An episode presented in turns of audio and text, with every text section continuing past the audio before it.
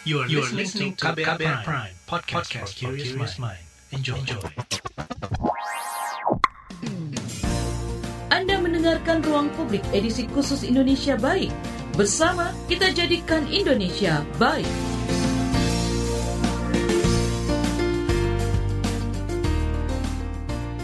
Selamat pagi, kita berjumpa kembali dalam Ruang Publik Indonesia Baik KBR.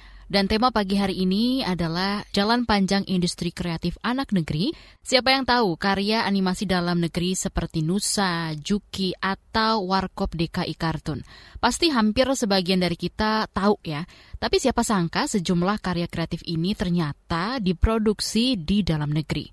Perkembangan dunia kreatif anak bangsa ini membuktikan kalau ternyata mampu bersaing di kancah internasional. Tentu memang uh, tidak hanya animasi, tapi ada juga komik, kemudian musik, lukis, dan dunia kreatif lainnya. Lalu bagaimana upaya menguatkan dunia kreatif dalam negeri supaya tidak cepat hilang? Untuk membahasnya kita akan simak perbincangan Fitri Anggreni bersama visual kreator Iren Esterlita dan project manager Tawakal Animation Afdal Gamalsyah. Pada kesempatan kali ini kita akan menyimak terlebih dahulu perbincangan Fitri Anggreni bersama visual kreator Iren Esterlita. Kak Iren, di era serba digital ini kan kemampuan mengembangkan konten menjadi nilai plus. Ada konten audio, video, audio visual. Namun terkadang orang tidak memahami dan cenderung abai terhadap konten yang menarik. Menurut Kak Iren, eh, sejauh mana pentingnya kreativitas konten untuk sebuah kampanye, Kak? Hmm, pertanyaan sangat menarik. Uh, kalau misalnya dari kacamata saya ya, sebagai orang yang bekerja di industri kreatif, tapi juga ngerjain hal yang berhubungan dengan campaign. Kalau misalnya zaman sekarang itu kan orang itu lebih banyak, lebih suka itu uh, tipe yang lucu, yang ringan, tapi syarat pesan pesan ini pesan moral yang disampaikan ya. Nah, mungkin ini bisa juga jadi contoh bagi orang-orang di luar sana um, apa namanya uh, lebih enak untuk mengurus apa membuat sebuah konten lebih lebih enak itu tuh kalau uh, apa pendekatannya itu lebih ke anak muda satu. Terus habis itu yang kedua mungkin lebih modern dan lebih relatif dengan meme atau isu yang terjadi uh, sekarang. Karena kan sekarang ini kan di era um, digital yang uh, informasi dapat cepat, terus habis itu setiap apa tren itu semuanya baru dan selalu berganti kan setiap detik setiap menitnya. Nah itu mungkin bisa di follow up untuk jadi apa namanya jadi pegangan gitu karena memang tantangannya itu adalah uh, ketika kita membutuhkan sesuatu itu belum tentu kan orang mau baca, belum tentu orang mau mendengar, belum tentu orang mau menerima. Apalagi misalnya isu-isu yang berat gitu. Nah itu tantangannya di situ, makanya uh, apa pinter-pinter kita sebagai orang yang kreatif untuk mengerjakan campaign kayak gitu. Nah, salah satunya yaitu dengan selalu up to date, lalu lebih mengikuti perkembangan uh, perkembangan itu dan juga mengemasnya menjadi sesuatu yang relate ke anak muda banget karena sekarang itu juga kalau misalnya media sekarang relate-nya gitu sih lebih kayak ke anak muda ke yang fun, fresh, nggak yang kaku kayak apa kayak orang zaman dulu kayak gitu sih. Tadi kan Kak Iren udah cerita soal uh, bentuk-bentuk uh, apa namanya materi yang dibuat lucu, yang uh, menarik begitu. Tapi kalau dari segi Kak Irennya sendiri dalam proses kreatif itu yang paling sulit menurut Kak Iren itu membuat materi yang lucu, yang menarik atau yang seperti apa Kak? Kalau dari kacamata aku ya, um, sebetulnya buat aku yang paling sulit itu adalah mengolah data advokasi, mengolah semua data yang aku punya. Misalnya kita lagi ngurusin uh, sebuah isu, terus habis itu itu kan masih berupa data ya, data advokasi, apa uh, data statistik, dan itu harus diolah menjadi bahasa yang sederhana mungkin supaya nanti bisa kita olah menjadi konten yang kreatif. Karena balik lagi menggunakan bahasa kita sendiri yang tentu saja itu ukurannya baik size sehingga bisa dicerna sama orang-orang. Apalagi yang tadi aku bilang sebelumnya karena kan kita itu kan uh, kalau misalnya sekarang paling paling aman tuh kalau misalnya ngambilnya tuh dari uh, perspektif uh, apa anak muda ya. Jadi biar biar gampang diterima juga. Nah itu sih tantangannya sih. Untuk mengolah data itu menjadi sederhana mungkin supaya bisa diterima. Itu yang ya tricky but bisa lah Hmm. Cuma gitu itu tricky sih kalau menurut aku. Nah, tapi sebelum kita berbincang lebih jauh, boleh dijelaskan dulu nggak uh, konten visual seperti apa yang digeluti oleh Kak Iren ini, Kak? Aku karena bekerja sebagai desain grafis juga di NGO uh, jurnalis untuk keberagaman atau tujuh. Uh, jadi itu karena kan ini kan ngurusin campaign ya, aku juga ngurusin campaign. Itu lebih banyak mengerjakan macam-macam kan konten visual itu bisa berupa komik, bisa berupa infografis, bisa berupa microblogging, karusel yang di sosmed, atau swabweb, ada yang bikin meme juga, ada yang bikin apa, uh, misalnya kayak apa kayak foto bersama dengan gambar, ya yang pokoknya uh, konten yang visual yang bisa dilihat mata. Kalau misalnya yang video atau stop motion itu ada lagi orangnya. Ya kalau misalnya aku fokusnya yang paling sering aku bikin itu seperti itu. Kabarnya Kak Iren selain desain grafis juga uh, komikus ya Kak ya? Iya. Nah boleh diceritakan tuh Kak, apakah uh, di dalam kampanye-kampanye yang dilakukan untuk uh, tempat kerjanya Kak Iren, apakah juga menggunakan komik Kak? Oh iya dong, tentu saja. Selain itu adalah passion saya, itu juga jadi bisa menjadi apa namanya wadah kreativitas yang uh, bisa memberikan pesan moral ataupun apa campaign yang mempersuade orang supaya bisa melakukan gerakan tersebut. Misalnya contoh karena kan aku kan NGO ini kan aku isunya itu tentang keberagaman. Jadi kami itu mengerjakan hal yang berhubungan dengan uh, isu-isu seperti uh, LGBT, pemberdayaan perempuan, agama minoritas, masyarakat adat, bahkan sampai disabilitas.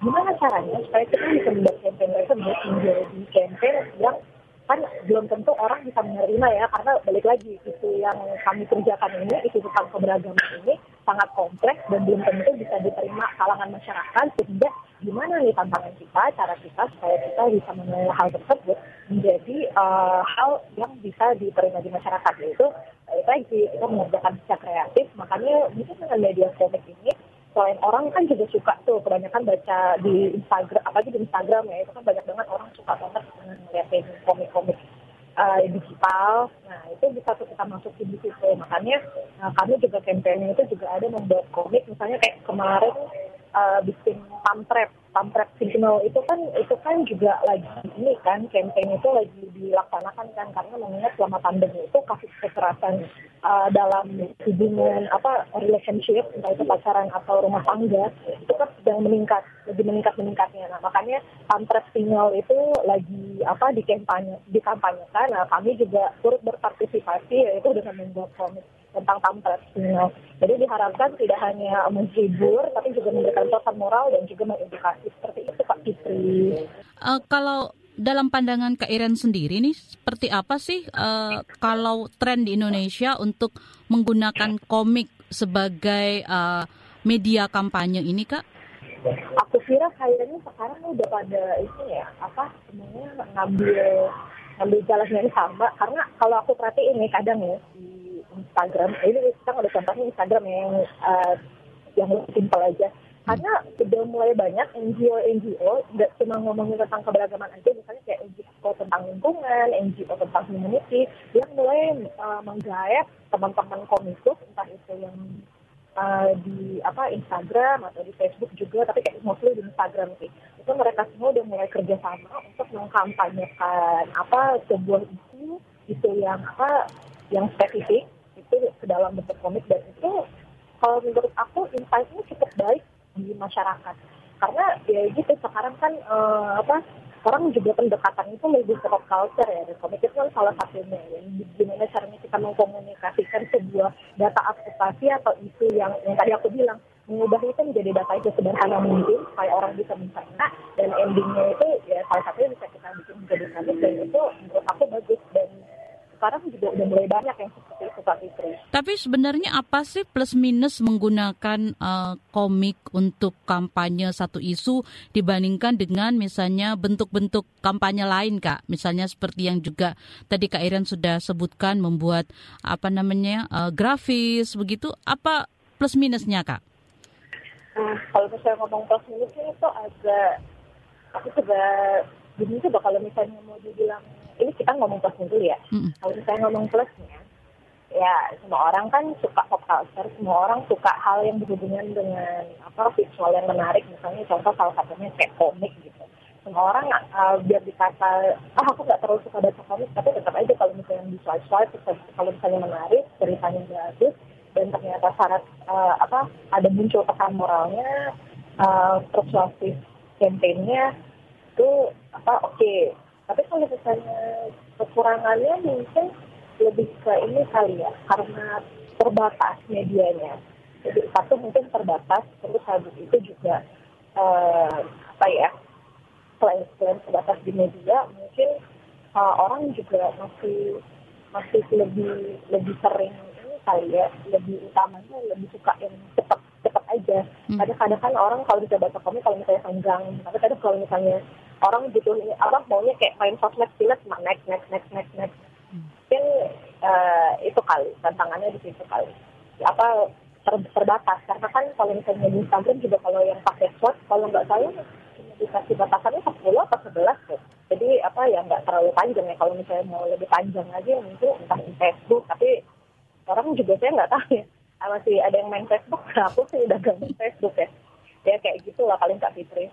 Tapi kalau menurut Kak Iren sendiri uh, untuk ke depannya itu uh, masa depan para komikus Indonesia itu seperti apakah? Apakah menjanjikan? Apakah bagaimana dengan kondisinya saat ini Kak? Eh, kalau menurut aku ini lebih bangkit-bangkitnya sih ya. Ini um, kalau yang aku lihat nih sekarang itu udah mulai muncul lagi platform-platform komik lokal kayak contoh komik ya komik terus buku terus habis itu banyak deh. Banyak banyak sekali. Bahkan yang platform yang uh, webtoon yang sekarang itu juga apa pasar Indonesia itu tuh persentasenya lebih besar. Karena memang semua orang apa semua komiko semua pegiat industri kreatif itu tidak pada mulai punya studio lokal sehingga mereka juga memberdayakan bersama teman-teman artis untuk uh, mengerahkan segala kemampuan mereka uh, untuk apa mengerjakan komik dan itu jadi apa industri kreatif di bagian komik ya kalau misalnya di aku itu lumayan apa maju maju banget. Bahkan yang dulunya kayak nggak kelihatan di zaman sekarang tuh jadi jadi menjanjikan jadi promising. Malah kalau bisa emang emang udah disahkan menjadi apa uh, mata pencaharian utama gitu sih. Kalau dulu kan pasti kan jatuhnya ya freelance atau side hustle Nah, cuma kalau sekarang bahkan sudah banyak teman-teman yang menjadikan hal tersebut sebagai mata pencaharian utama. Jadi bisa gitu. dikatakan secara finansial uh, bergerak di bidang membuat komik ini uh, sesuatu yang menjanjikan ke Irania. Iya, malah sudah bisa dikatakan menjadi mata pencarian utama. Itu sebuah pertanda yang baik untuk masa depan industri kreatif apalagi di bagian komik ya. Orang kan juga tahunya kan apa sih emangnya kamu bisa cari duit lewat menggambar bisa buktinya. Ruang Publik KBR Indonesia Baik edisi hari ini adalah rekaman, jadi kami tidak bisa menerima pertanyaan dari pendengar. Jangan ke mana-mana, terus simak Ruang Publik Indonesia Baik. Masih Anda dengarkan Ruang Publik KBR. Commercial break. Commercial break. Anda sering gelisah, tidak bisa tidur nyenyak, selalu merasa ada yang merasuki pikiran Anda. Ini bukan iklan horor atau cerita seram.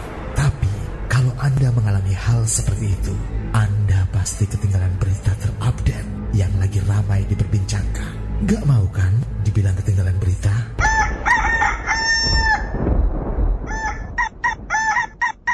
Makanya dengerin KBR Pagi, siaran pagi radio paling update menghadirkan narasumber yang terpercaya dan kredibel. Banyak lagu-lagu dari zaman old sampai zaman now. Setiap hari Senin sampai dengan Jumat mulai pukul 7 sampai 8 waktu Indonesia Barat. Bisa didengerin dari Aceh hingga Papua. Cukup satu jam saja untuk membuat kamu tetap update. Woi, ayam siapa nih? Berisik, saya mau dengerin kabar pagi. Ruang Publik edisi khusus Indonesia Baik. Bersama kita jadikan Indonesia baik.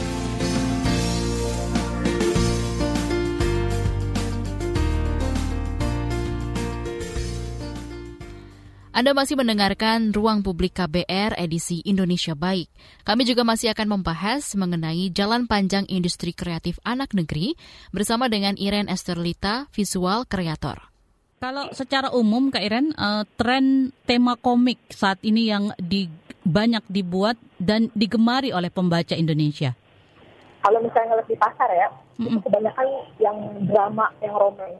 Pasti itu yang apa menguasai karena uh, sebagian pembaca kalau misalnya lebih statistik ya yang aku tahu itu tuh kebanyakan itu pembaca itu sebetulnya perempuan jadi lebih kalau misalnya pendekatannya ke drama romance itu biasanya sih nomor satu sesuai dengan aksi dan slice of life. Tapi kebanyakan sih sekarang sih pasar lebih suka slice of life. Jadi ya pendekatan itu kan kalau slice of life itu kehidupan sehari-hari ya. Jadi relate sama kehidupan kita. Apalagi kalau ceritanya itu settingnya setting lokal, setting Indonesia. Nah orang kan akan lebih relate dan terasa lebih homey, terasa lebih dekat. Sehingga ceritanya itu jadi lebih melekat dan orang jadi lebih, uh, lebih senang untuk membacanya seperti itu. Karena uh, ini psikologi manusia ya kalau misalnya itu relate sama kehidupan dia itu relate sama uh, ceritanya dia pasti dia akan follow up akan mengikuti seperti itu Kak Fitri.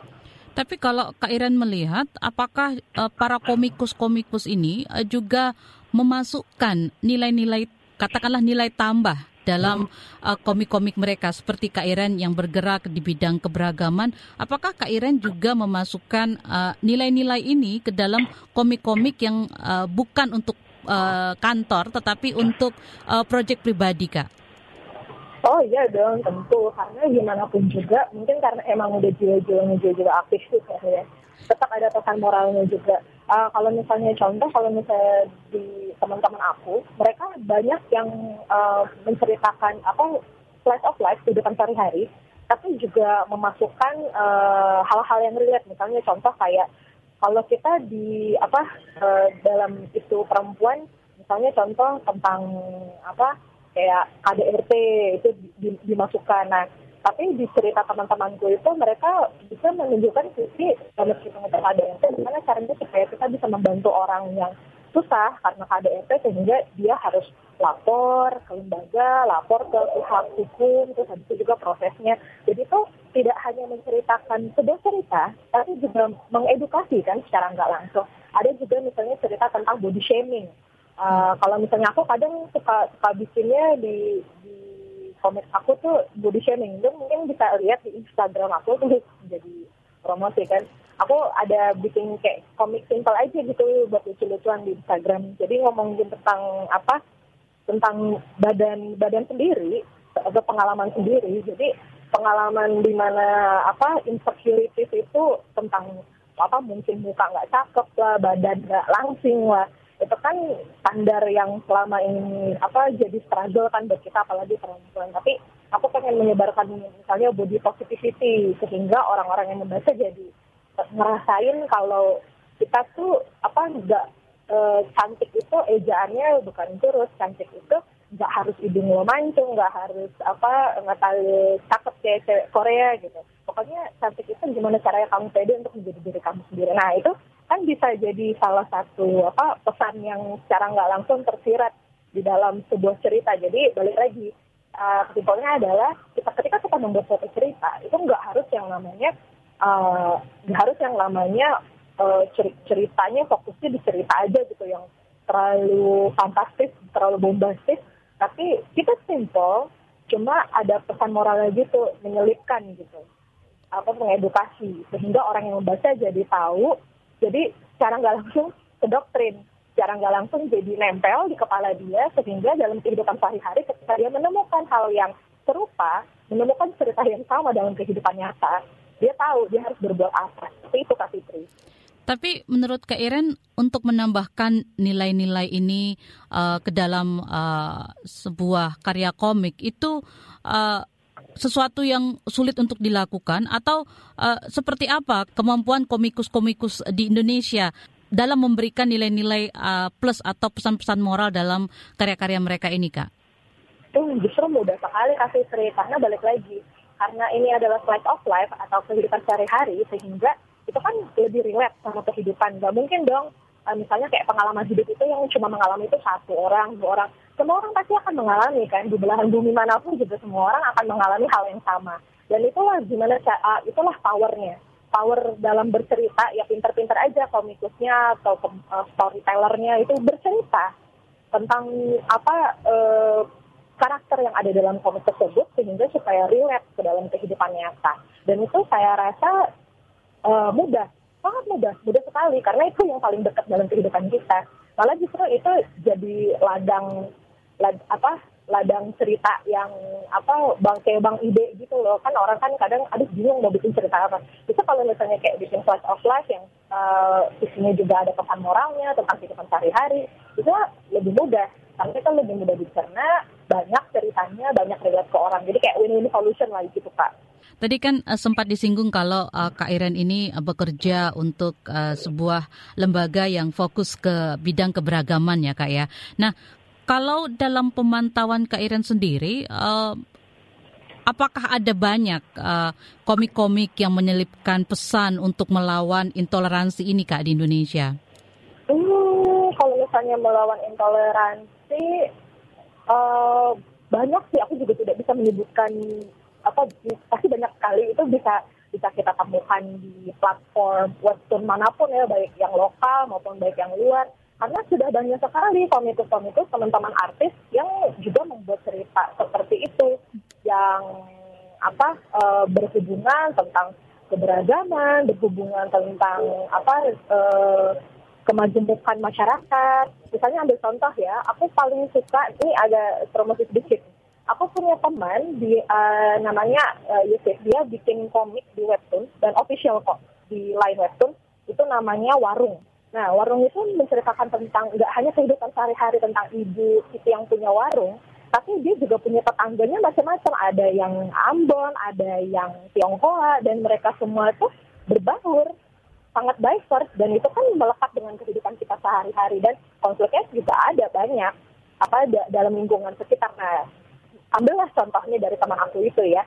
Nah itu kan juga apa uh, salah satu apa study case yang sangat menarik dan melekat dengan kehidupan kita kak.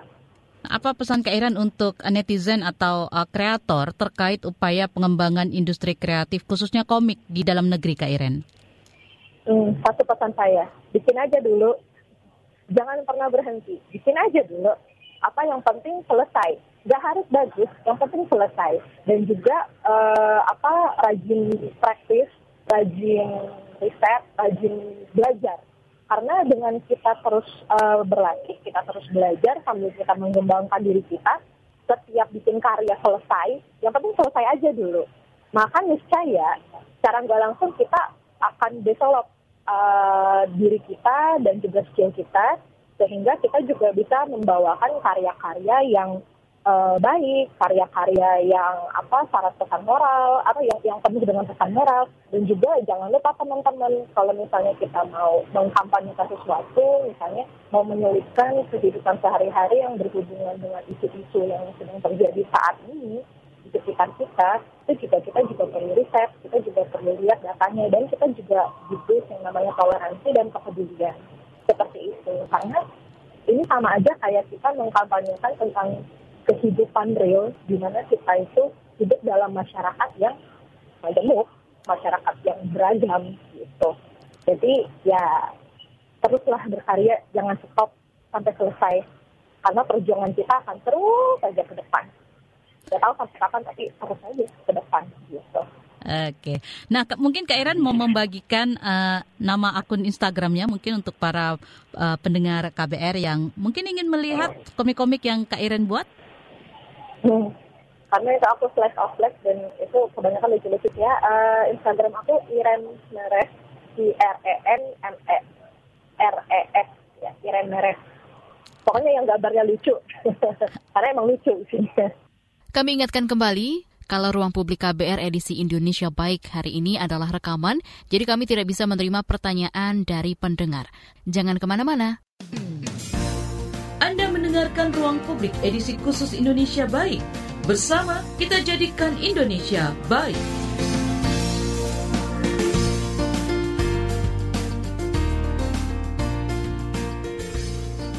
Terima kasih untuk Anda yang masih setia mendengarkan Ruang Publik dari KBR edisi hari ini dengan tema Jalan Panjang Industri Kreatif Anak Negeri. Untuk selanjutnya kita akan simak penjelasan Afdal Gamalsyah, Project Manager Tawakal Animation. Iya, Bang Afdal sangat menarik bila kita berbincang soal praktisi animasi dan Bang Afdal adalah salah seorang praktisi animasi ya. Nah, sebelum berbincang lebih dalam bisa diceritakan dulu nih Bang, apa kesibukan Bang Afdal saat ini khususnya di dunia animasi Bang? Ya, baik. Uh, mungkin sebelumnya saya perkenalan dulu. Saya Afdal, dua dua pekerjaan kemarin sih sebenarnya. Jadi sebelumnya saya sempat kerja di bisnis apa di Ciayo sebagai bisnis development dan terakhir ini di studio animasi Kumata Studio sama. Jadi bisnis development studio.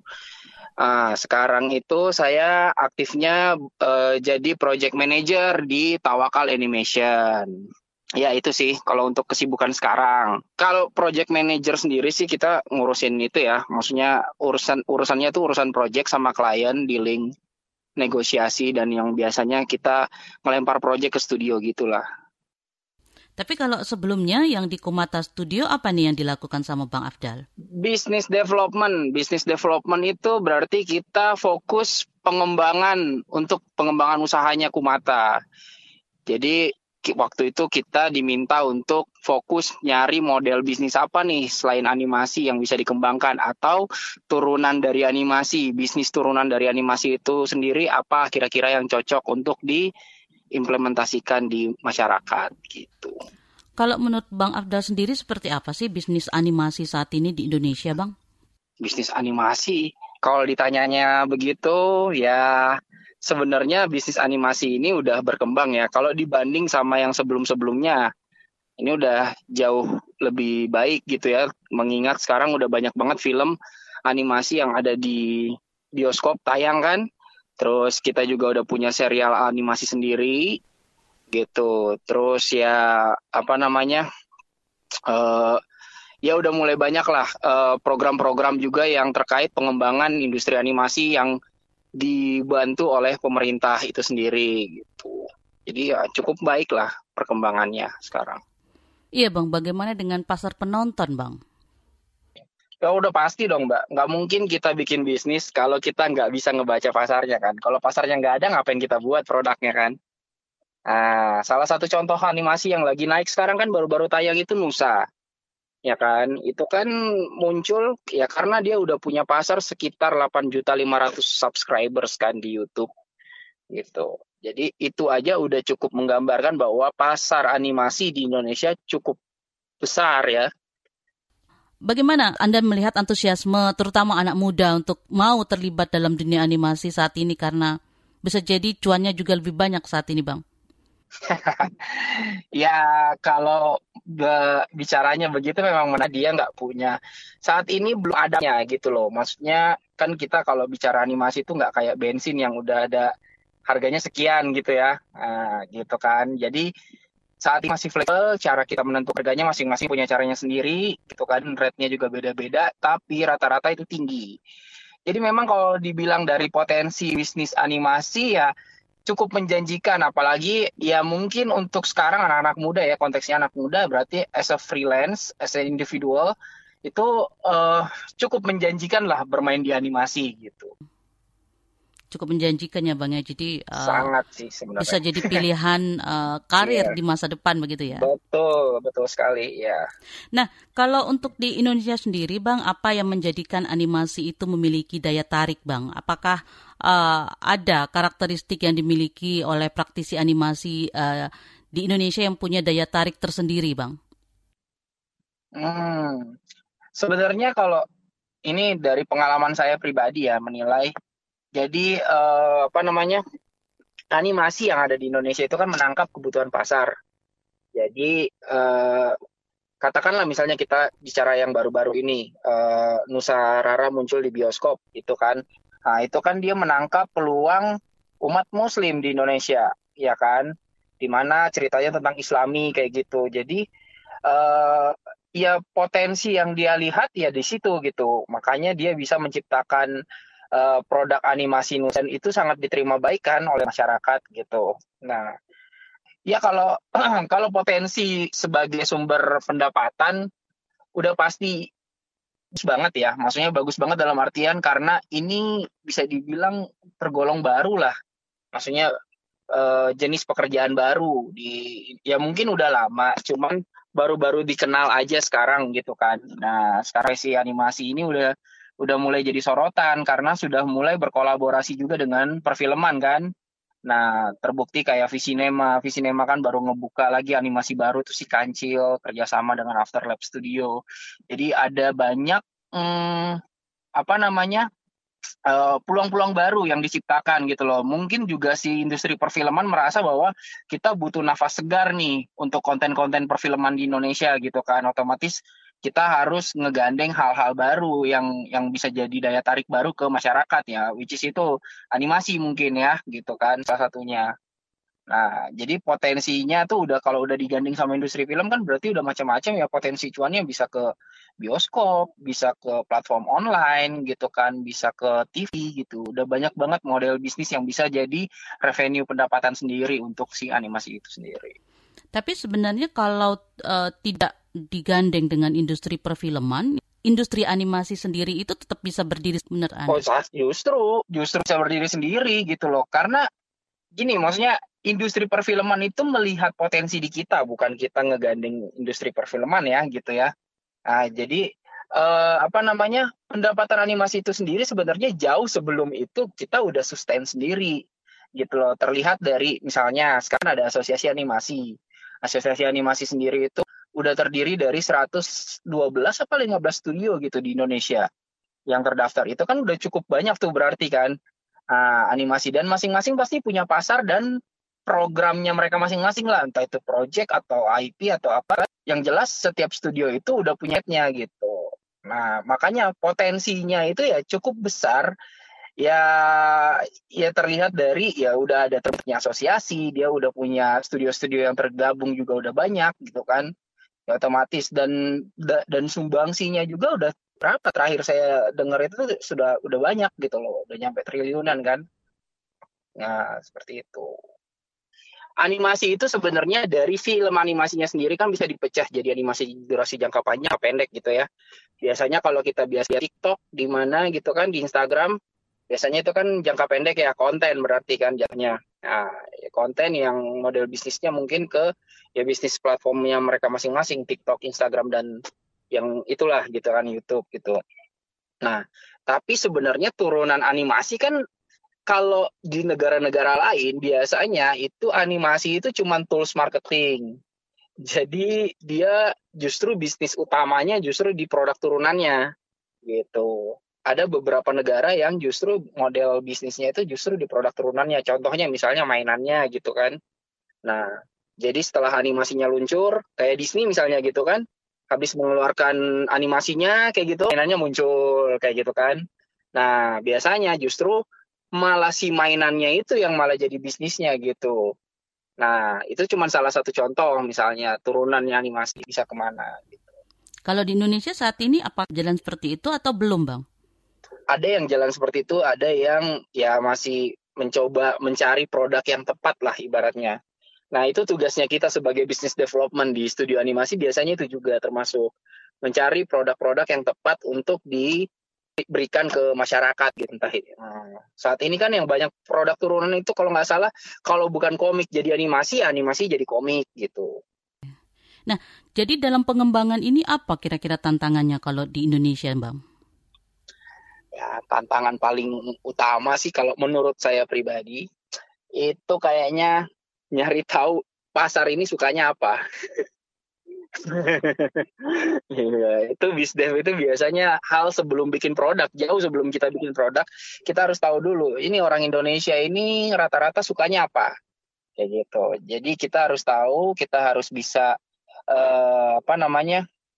Menebak lah kira-kira seperti apa gitu. Habis itu setelah kita udah tentukan, baru kita bisa nentuin strateginya, strateginya mau seperti apa gitu. Nah, tiap studio itu punya strategi yang beda-beda gitu. Nah, dan yang tadi saya bilang maksudnya ada salah satu studio yang mungkin opsinya adalah menggandeng industri perfilman atau yaitu melancarkan uh, apa merchandise-nya atau fokusnya ke mana gitu kan itu beda-beda uh, pendekatannya gitu dan tiap studio punya caranya sendiri. Ini studio keberadaannya ada di kota-kota besar saja di Indonesia atau bagaimana bang? Sudah ada di uh, menyebar di seluruh Indonesia? Menyebar, menyebar. Tapi mostly memang di Jakarta. Yang besar-besar kan ada di Jakarta. Nah, terus yang cukup besar tapi jumlahnya banyak itu biasanya ada di Bandung. Saya kebetulan dulu cukup lama di Bandung, uh, studio animasi di sana juga. Kumata juga kan di Bandung. Nah, itu 10 tahun di sana itu ya lumayan lah. Paling banyak paling banyak di Bandung malah kalau menurutku kalau dari segi jumlah ya. Ada juga di Bali. Bali ada dan itu besar yang di Bali Brown Bag uh, film itu. Terus ada di Batam. Uh, di Batam juga ada Infinite. Terus ada di ya sisanya juga ada di daerah Jawa kayak uh, Jogja, Solo, gitu kan, Surabaya, kayak gitu-gitu ada. Tapi sebagian besar adanya di Pulau Jawa Bali begitu ya? Betul, hmm. ya.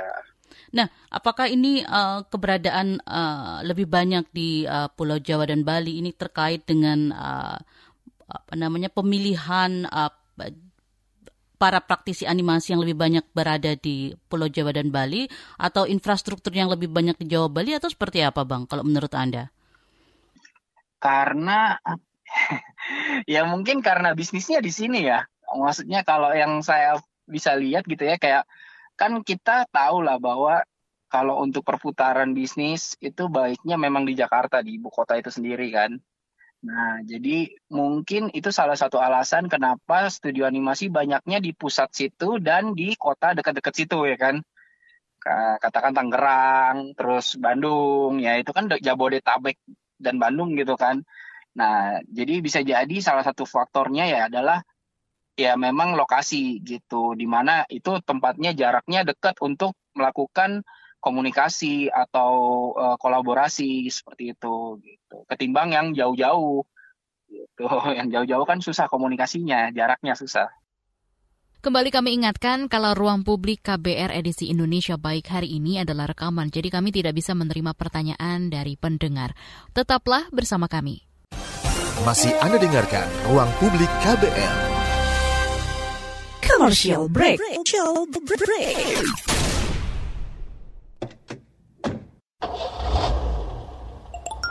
Sudah tahu yang satu ini? Sekarang kabar baru ada di playlist teman perjalananmu. Kamu masih bisa update dengar berita terbaru sambil dengerin lagu kesukaanmu. Semua bisa kamu dengerin di playlist Daily Drive Spotify.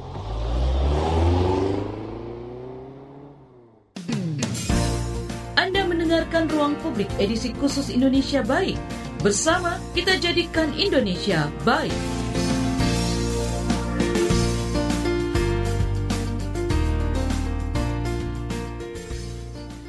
Kita tiba di bagian akhir ruang publik KBR edisi Indonesia Baik hari ini. Pada pagi hari ini kita juga masih menyimak Jalan Panjang Industri Kreatif Anak Negeri bersama dengan Afdal Gamal Syab, Project Manager Tawakal Animation dipandu rekan Fitri Anggreni. Soal tema, Bang, tadi Anda sebutkan juga salah satu contoh film yang kemudian mengusung tema islami begitu ya. Kalau dalam pengamatan Anda, dalam taruhlah lima tahun terakhir, tema-tema animasi seperti apa yang banyak digemari oleh masyarakat Indonesia, Bang? Kalau tema-tema ya, kalau saya kan biasanya mantau itu dari YouTube ya. Maksudnya eh, IP-IP, karakter-karakter animasi yang besarnya di YouTube itu kita gampangnya lihatnya subscribers ya gitu. Ada yang 3 juta subscribers, ada yang 5 juta subscribers kan. Nah, Nusa ini yang paling tinggi 8 juta subscribers temanya Islami memang. Tapi kalau dibilang mana yang dominasi itu kontennya sebenarnya sederhana, gampang dicerna gitu dan durasinya nggak usah panjang-panjang. Kalau yang saya lihat ya karena rata-rata teman-teman yang dari YouTube yang subscribersnya banyak itu ya kontennya nggak jauh-jauh dari humor, komedi gitu. Uh, ya kalau saya nilainya dari YouTube ya karena gampang lah ngukurnya gitu dari subscribers gitu. Tapi sebenarnya kalau Anda melihat seperti apa uh, efektivitas uh, animasi dalam mengusung satu uh, isu, Bang, misalnya dalam hal ini untuk mengenalkan isu pendidikan, isu kesehatan, seperti apa Anda melihat uh, tingkat keterjangkauannya dalam menjangkau lebih banyak masyarakat menggunakan animasi ini, Bang? Kalau animasi saya sih ngelihatnya gini ya, maksudnya di antara komik sama game, dia yang paling praktis menurutku. Karena tinggal nonton kan ya kan? Kalau baca komik kan kita harus katakanlah komik cetak kita harus balik-balik halaman gitu ya. Gitu. Nah, kalau main game kita harus pencet-pencet gitu. Nah tapi kan kalau animasi duduk aja tonton gitu kan. Nah dari segi kepraktisannya itu aja udah udah sangat apa ya membedakan gitu loh. Mana platform yang paling enak untuk menjadi platform untuk mengedukasi entah itu ya tadi yang konteksnya adalah uh, apa namanya yang membawa isu-isu tersebut gitu kan. Nah, terus yang faktor penguat kedua ya itu tadi kontennya adalah konten uh, di platform uh, sosial media gitu kan. Kita lihat bahwa gampang terukur kalau misalkan dari sosial media karena datanya kelihatan jelas kan. Maksudnya kayak misalnya YouTube atau Instagram followersnya berapa gitu kan YouTube berapa gitu kan. Lebih gampang gitu ngukurnya gitu. Sedangkan kalau game kan mungkin agak tertutup ya datanya gitu kan. Berapa juta ini paling kita lihatnya di Play Store-nya gitu berapa yang download gitu. Nah komik juga le agak lebih susah lagi melihat berapa pembacanya kan gitu Nah, jadi memang kalau lebih dibilang dari efektivitas, memang lebih efektifan si uh, animasi itu sendiri kalau menurut saya gitu. Nah, eh, kita tahu juga pemerintah kan uh, apa namanya dengan uh, Kementerian uh, Industri Kreatifnya itu dengan Kementerian uh, Industri Kreatifnya itu kan memberikan banyak uh, ruang ya, Bang ya, untuk para pekerja uh, industri kreatif. Nah, tapi kalau menurut Bang Afdal sendiri apakah uh, sudah sampai uh, bantuan-bantuan asistensi pemerintah ini kepada teman-teman di lapangan, Bang, kepada para praktisi animasi sendiri? Kalau bantuan sih banyak ya. Maksudnya kalau dibilang secara uh, realnya gitu ya, udah banyak. Misalnya pemerintah itu bikin balai diklat, jadi pelatihan. Pelatihan teman-teman animasi yang kalau lulus pengen apa kita uh, kaitkan dengan industri. Jadi misalnya lulus bisa dipekerjakan di industri kayak gitu kan. Nah, itu salah satu program yang diusung sama pemerintah. Terus uh, pemerintah juga biasa melakukan program BIP, insentif. Jadi untuk studio-studio yang ibaratnya sudah punya prestasi atau punya pencapaian tertentu, memenuhi syarat itu biasanya diberikan uh, insentif gitu kan, uh, ada program bantuannya. Terus biasanya pemerintah juga ngeba ngebantu uh, asosiasi, biasanya lewat asosiasi ya, untuk ngebentuk satu event kreatif khusus gitu. Nah, jadi event kami itu kita cukup rajin ya, maksudnya melakukan event-event kreatif itu. Salah satunya itu yang mungkin Beacon namanya uh, Backcraft Animation Conference. Waktu itu masih Backcraft ya, gitu. Uh, nah, terus uh, apa namanya? Uh, habis itu ada lagi yang ibaratnya hmm, pemerintah itu, nah itu pernah uh, menghubungkan asosiasi ke industri perdagangan di uh, perdagangan animasi atau kreatif ya di luar negeri gitu, maksudnya antar negara nih gitu. Nah ini uh, beberapa kali saya pernah lihat ada hubungan kerjasama antara negara kayak Korea gitu kan, terus kayak Jerman, uh, terus kayak di apa Australia ya, berapa kali lah ada ada yang di Prancis juga gitu jadi biasanya pemerintah itu menghubungkan nge-bridging lah ibaratnya ngasih info ke teman-teman kreatif bahwa ada ini kalian bisa dikasihin apa gitu difasilitas difasilitasin apa gitu kan nah nanti kalau berminat langsung ke sana aja kayak gitu.